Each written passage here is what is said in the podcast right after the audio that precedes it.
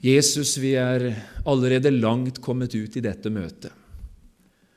Og vi ikke bare kjenner det, men vi vet det fordi du har lovt det. Du er her, Jesus, sammen med oss. Vi er alltid en mer til stede enn vi kan se. Og i de minuttene som ligger foran oss fremdeles, når vi skal lese ditt ord og forsøke å åpne den gamle bok Herre, vil du være her, løfte dine velsignende hender over oss, og la oss få merke noe av den åndskraft som alltid utløses når ditt ord forklares ved din ånd. Herre, gjør din gode gjerning imellom oss og åpne våre øyne, at vi enda en gang fikk se deg. Amen. Ja, det er ikke bare det første møtet, gode møteleder, hvor overskriften er 'Ved tornebusken'. Det skal være hele møteserien. Så det blir 'Ved tornebusken' i alle fem samværene. Og jeg tror det blir veldig greit både å få tale og kanskje også å lytte til. Uten å gi noen flere kommentarer på hva det skal gå på, foreløpig så henter vi nå fram Andre Mosebok og kapittel 3, der vi skal lese ett av de fem tornebuskavsnittene som vi møter i Bibelen, og som jeg vil forsøke å stanse ved i disse møtene. Dette er et av de kjente avsnittene. Andre Mosebok og kapittel 3. Og Jeg syns det er så fint å lese det i sammenheng, det som her står fra begynnelsen av kapittelet. Vi leser i Jesu navn. Moses gjette småfe hos Jetero, sin svigerfar, presten i Midian. En gang drev han småfe bortom ørkenen og kom til Guds berg, til Horeb. Der åpenbarte Herrens engel seg for ham i en flammende ild midt ut av en tornebusk. Moses så opp og se, tornebusken sto i lys lue, men tornebusken brant ikke opp. Moses sa, Jeg vil gå bort og se dette underfulle synet, at tornebusken ikke brenner opp. Da Herren så at han kom bort for å se, ropte Gud til ham midt ut av tornebusken og sa, Moses, Moses. Og han svarte, Ja, her er jeg. Da sa han, Kom ikke nærmere, dra dine sko av føttene, for det sted du står på, er hellig grunn. Så sa han, jeg er din fars Gud, Abrahams Gud, Isaks Gud og Jakobs Gud. Da skjulte Moses sitt ansikt, for han fryktet for å se Gud. Og Herren sa, Jeg har så visst sett mitt folks nød i Egypt. Jeg har hørt deres klagerop over slavefogdene, og jeg vet hva de lider. Nå er jeg steget ned. Tenk at det er Gud som sier det. Nå er jeg steget ned for å utfri dem fra egypternes hånd. Jeg skal føre dem opp fra dette landet til et godt og vidstrakt land, et land som flyter med melk og honning. Det er det landet hvor kananeerne bor, og hetittene og amorittene og ferisittene og hevittene og jebusittene. Israels barns skrik har nå nådd opp til meg. Jeg har også sett hvordan egypterne mishandler dem. Gå av sted, jeg sender deg til farao. Du skal føre mitt folk, Israels barn, ut av Egypt. Ved tornebusken. La meg få lov å begynne denne enkle bibelvandringen vi skal gjennomføre i kveld, med å sitere to forskjellige ord fra Bibelen. Det ene vil jeg hente fra Det gamle testamentet, det andre leser vi fra Det nye. Det første ordet er det Moses selv, han som vi leste om her, som gjorde bruk av. Det andre ordet kommer fra Stefanus sin munn, den siste dagen han fikk anledning å tale om Jesus. Ordet fra Det gamle testamentet er velsignelsesord, mens ordene fra Det nye testamentet er forkynnelsesord. Men det er noe felles mellom Det gamle testamentets ord og Det nye testamentets ord. Det er noe som gjør at de er på bølgelengde, Moses og Stefanus. For det velsignelsen og forkynnelsen er sammen om, er felles om, det er at begge ordene handler om tornebusken. Kanskje vi skal lese ordet fra Det nye testamentet først. Det finner vi ifra, de finner det i apostlenes gjerninger i kapittel 7. Og Du er gjerne oppmerksom på det at eh, apostelgjerningene 7 er Stefanus-kapittelet fremfor noe kapittel i Bibelen. I det kapittelet holder Stefanus en lang og sterk bibeltime. Han gjennomgår Guds plan med Israel, Herrens utvalgte folk fra A til Å. Og midt i talen lyder dette, apostelgjerningene 7.30. Hør nå. Og da 40 år var til ende, åpenbarte Herrens engel seg for Moses i ørkenen ved Sinai-fjellet, i flammen av en brennende tornebusk. Slik sier Stefanus det. Herren åpenbarte seg, og det betyr Gud gjorde mulig det som for oss mennesker er helt umulig, nemlig å se Gud, lære Gud å kjenne, få innsikt i hvem og hvordan Gud er. Jo, Gud har etterlatt seg noen spor i den verden han skapte. Og Det er det som er en av grunnene til at vi synger det vi nå gjorde i stad. O store Gud, når jeg i undring aner hva du har skapt i verden ved ditt ord, så fotsporene av den levende, den store Gud, kan alle mennesker se i skaperverket. Men det er noe vi ikke kan se av Gud i skaperverket. Det er Hans nåde. Det er Hans kjærlighet.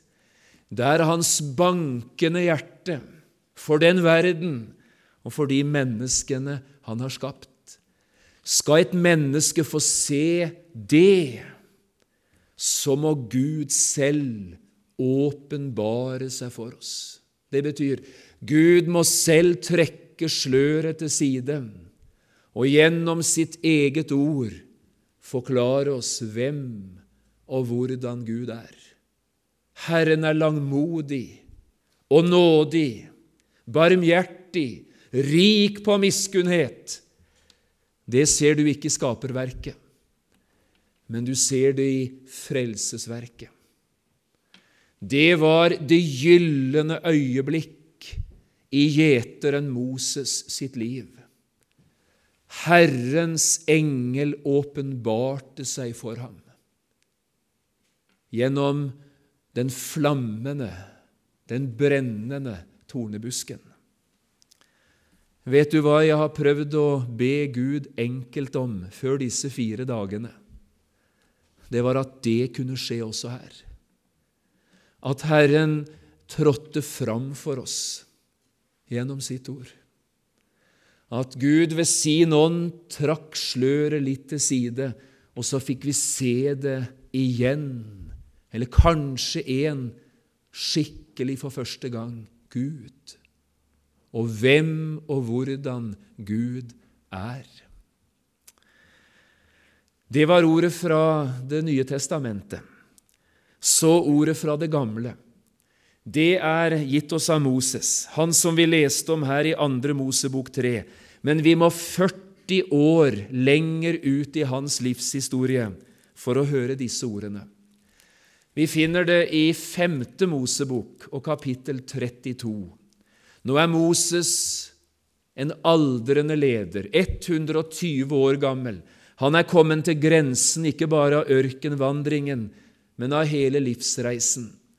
Han har fått se, eller skal få se, inn over grensene til landet der det ligger, men selv skal han hentes til en høyere tjeneste og ikke få sette sin fot i Kanan. Så husker du sikkert at før Moses går opp på Nebofjellet og får se inn, og Herren er den eneste som er til stede i begravelsen, så kaller han de tolv stammene fram for seg og velsigner, taler Guds gode ord, velsigner hver enkelt av dem. Og Nå skal du få høre velsignelsesordet som lyder over Josef. Hvis jeg sa kapittel 32, så var det galt. 33. Det handler om velsignelsen over Josef. Den begynner i vers 13. Og om Josef sa han, Velsignet av Herren være Hans navn med himmelens ypperste gaver. Og så kommer noen av disse himmelens ypperste gaver nevnt. Og som den siste gaven som nevnes, nede i vers 16, så står det i den andre setningen Og, står det. Nå kommer enda en av disse himmelens ypperste gaver. Og, står det, med nåde fra Han som bodde i tornebusken. Når Herren åpenbarer seg, og når Herren får velsigne oss med den nåde som bare finnes hos Han som bor i tornebusken, da først blir et menneske virkelig rik. Rik i Gud, rik på nåde, rik på framtid, rik på håp. Tenk om du og jeg kunne få smake litt i disse dagene av den nåde som har sin kilde i Han som bodde i tornebusken. Det skulle bli ei uforglemmelig langhelg i sammen.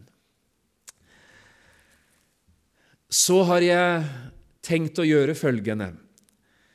Jeg har lest den første tornebuskhistorien allerede, andre Mosebok 3. Og i de fire neste samværene, med unntak av ungdomsmøtet på lørdagen, nei, på, fre, på lørdagen, så skal jeg lese de andre fire tornebuskavsnittene. Og Nå skal jeg røpe det med en gang hva det er du kommer til å få høre. Og så vil jeg vinkle det på min måte. Forsøke å vinkle det slik at jeg gjennom hver enkelt tornebuskhistorie prøver å løfte fram et spørsmål som du ikke trenger å ha vært en kristen i 40 år for å ha nytte av å lytte til, men som du kunne ha nytte av å lytte til også om du ikke kjenner Jesus. Vi har lest det første. Vi har lest om Herren som åpenbarte seg for Moses i en flammende ild midt ut av en tornebusk, leste vi. Og Spørsmålet jeg har lyst til å stille, og som jeg øyeblikk kommer tilbake til, det er dette Hvem er Gud? Eller kanskje hvordan? Hvem og hvordan er Gud? Og du skal få høre Bibelens svar. Du skal få høre det svaret Herren selv kom med da han åpenbarte seg for Moses gjennom den brennende tornebusken. Etter denne dagen, etter disse minuttene eller kanskje timene på hellig grunn, foran en flammende ild og en brennende tornebusk, ja, så visste Moses, og han visste det sterkere og bedre nå enn han hadde visst det noen gang, hvem og hvordan Gud er. Kjenner du Herren? Vet du hvem og hvordan Gud er?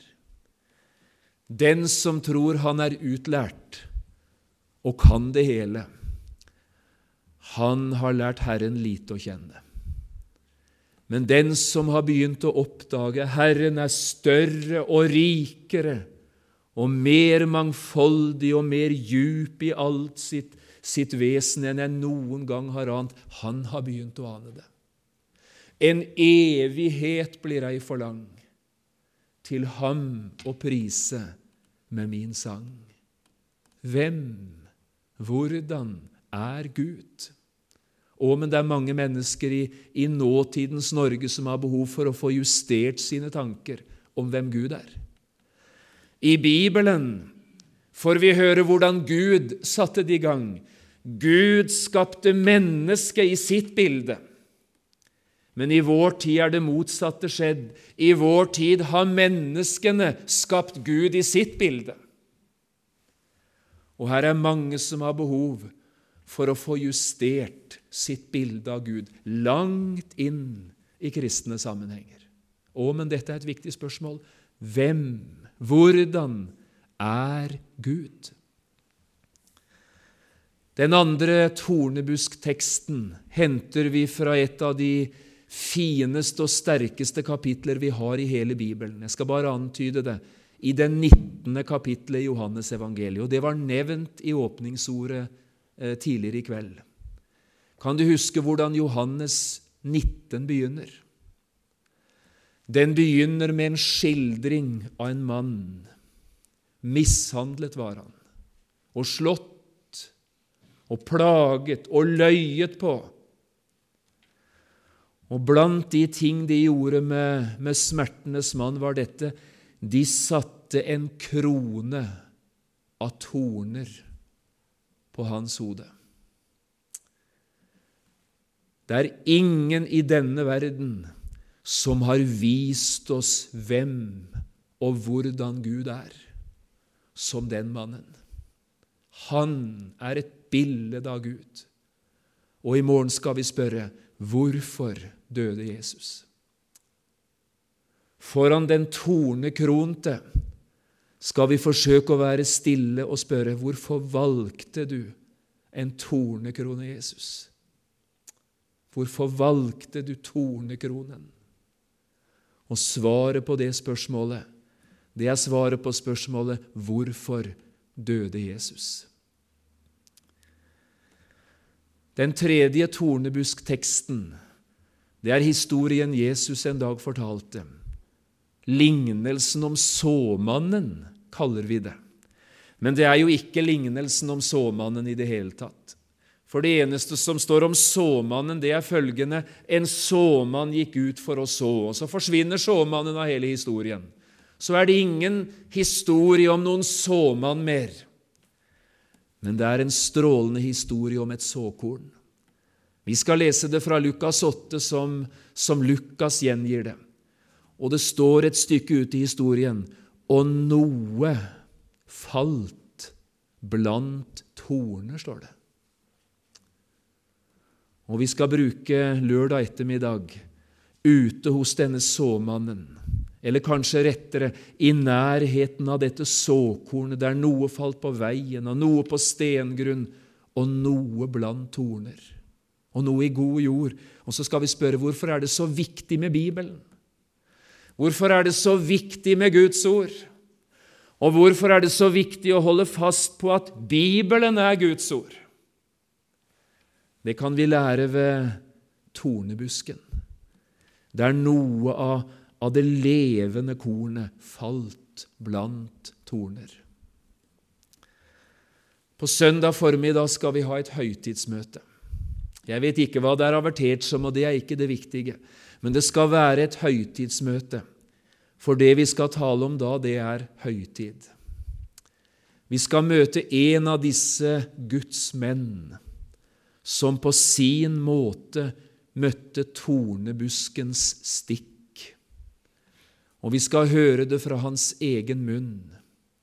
det er gitt meg en torn i kjødet, sier han. Tornen i kjødet. Om denne ba jeg Herren tre ganger at han ville ta den fra meg. Men han sa, Min nåde er nok for deg. Husker du nåde fra han som bodde i tornebusken?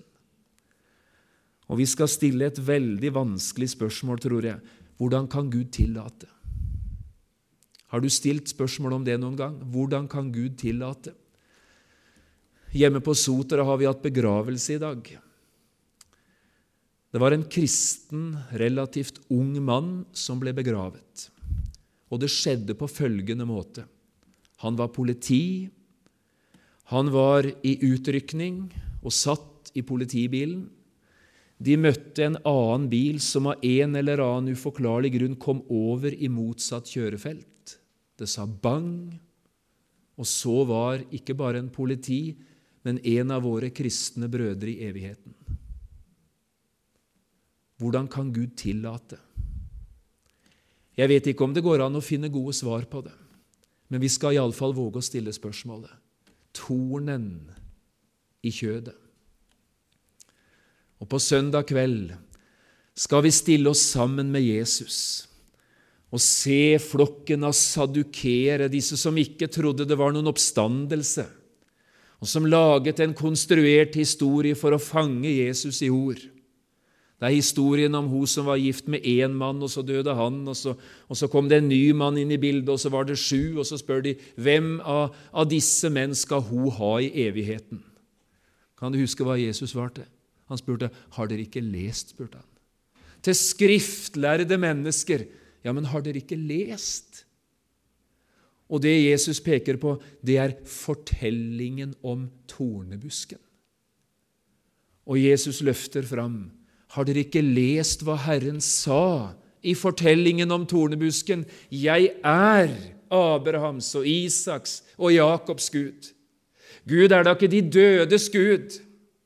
Hadde han sagt 'Jeg var Abrahams Gud, jeg var Isaks Gud, jeg var Jakobs Gud', så hadde han vært Gud også for døde. Men Gud er ikke de dødes Gud, han er de levendes Gud. Jeg er Abrahams Gud, jeg er Jakobs Gud, jeg er Isaks Gud. Har dere ikke lest? Og vi skal spørre finnes det et liv etter døden. Det benektet sadukerende. Det er mange i vår tid som prøver å benekte det òg, men Jesus var annerledes. Har vi lest? Finnes det et liv etter døden? Hva lærer Bibelen om oppstandelsen fra de døde? Der har du det. Og Nå kan det jo være du kan tenke right, nå har jeg hørt om alt sammen, så nå sitter jeg hjemme fra fredag til søndag, for nå har han sagt alt det som er å si. Nei, det her var bare innholdsfortegnelsen. Nå skal vi lese sånn rolig sammen.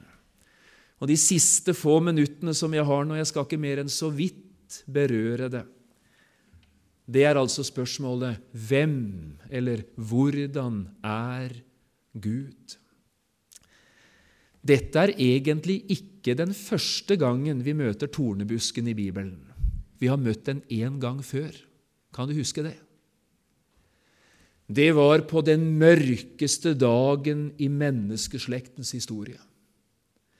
Det var den dagen solen gikk ned over vår verden, og mørket senket seg fordi synden og døden og frykten gjorde sitt inntog i tilværelsen.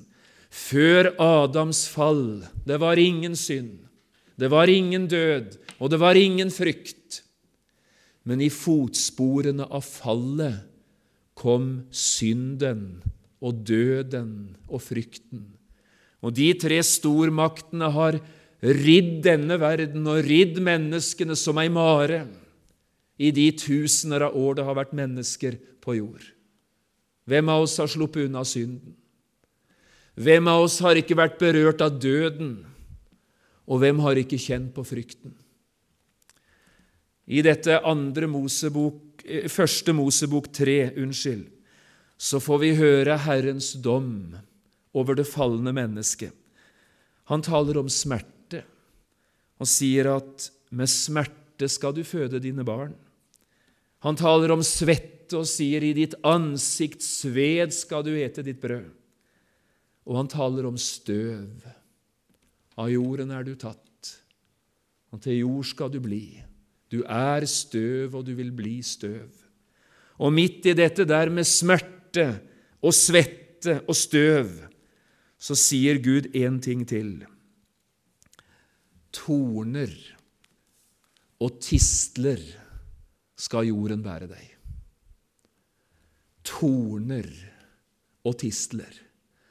Herren knytter tornene og tornebusken og tornene stikk til den mørkeste dagen i vår tilværelse. Det vi skal se, det er at Herren går inn i dette mørke, smertefulle, og så åpenbarer Han seg og synliggjør sin nåde, og så sier Han til mennesker som ligger i dødskramp og er uten framtid og håp, vil jeg vise min nåde. Mot hver eneste en av dem vil jeg være god. Ikke mer sagt om den historien, men så altså historien om Moses. Og Nå skal du få noen stikkordsvar uten nesten noen kommentar, så bare noter det i tanken din. 1. Gud er en personlig Gud. Det er mange mennesker i vår verden i dag, og det er mange av dem i Norge, som har andre tanker om Gud enn at Gud er en personlig Gud. Mange tenker at Gud er en kraft i tilværelsen, noe upersonlig, den djupe sammenheng, kanskje. Og Gud, litt av Gud har vi vel djupt inni oss alle sammen. Og så bruker en teknikken og meditasjonen og selvforbedringen og, og, og, og, hva det nå er for noe, for å forsøke å finne denne Gud, dette guddommelige med liten g, som er så mystisk og vanskelig at til og med New Age-folk har problemer med å, med å vite hva det er de egentlig leter etter. Å, men vi har behov for en åpenbaring i vår tid, at Gud er en personlig Gud som ser, og som hører, også når mennesker ber, som taler, som handler, og aller viktigst som elsker. Gud er en personlig Gud med hjertelag og omsorg.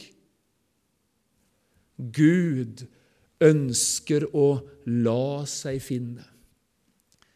Vet du hva denne verdens talløse flyktninger egentlig er etterjaget av? Bare godhet og miskunnhet skal etterjage meg. Og det kan vi på en måte si, det sier David fordi han kjenner Herren. Det er bare det at det er ikke et menneske i denne verden, enten han ber eller han banner, det er ingen på Karmøy uten at Herren etterjager dem med sin godhet og sin barmhjertighet. Vet du hva det er å bli frelst? Det er å stanse opp og la seg hente inn, la seg innhente av Gud. Og så få den personlige erfaringen av hva godhet og miskunnhet er for noe. Godhet det er en som aktivt har gjort noe for å komme meg i møte fordi han er glad i meg. Godhet og miskunnhet, det han gjør, det gjør han ikke fordi jeg har fortjent det, men han gjør det bare fordi han er glad i meg som jeg er. Gud er en personlig Gud. Vet du hva langfredag er for noe? Det er dagen da Gud kysset jorden. Det er dagen da Gud kysset jorden. Og han gjorde det på en måte som vi aldri skulle ha tenkt. Gud viser sin kjærlighet mot oss derved at Kristus døde for oss mens vi ennå var syndere.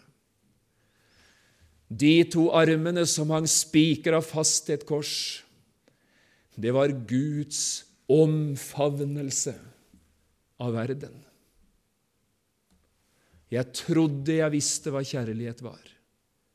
Jeg trodde jeg selv var god, inntil jeg fikk se en korsfestet mann hvis vunder dryppet av blod. Da fikk jeg se noe jeg aldri hadde sett før. Da fikk jeg se hva kjærlighet er. Du må komme tilbake i morgen, for da skal vi bruke hele kvelden foran den tornekronte. Gud er den trofaste Gud. Den trofaste Gud. En du kan stole på. En du kan regne med. En som ikke forandrer seg som vi mennesker gjør. En som ikke møter oss i en situasjon og åpenbarer en side ved seg sjøl som vi aldri hadde drømt om kunne være der. Vi mennesker kan av og til sjokkere hverandre.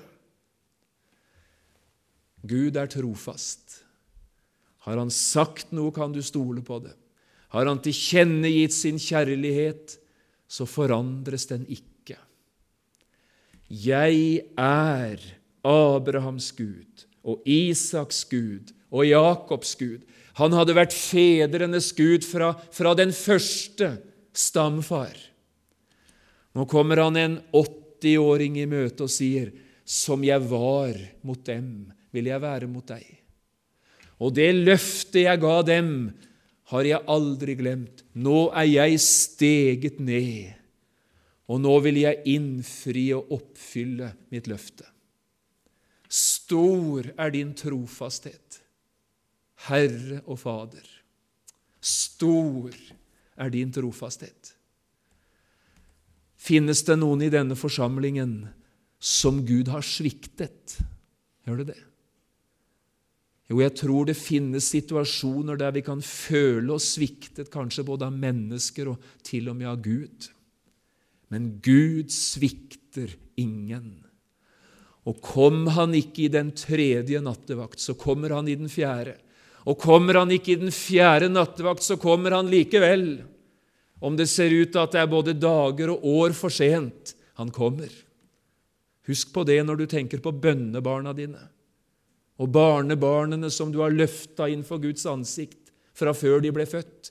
Gud kommer aldri for seint. Aldri. Han kommer.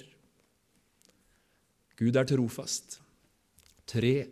Gud er både god og streng.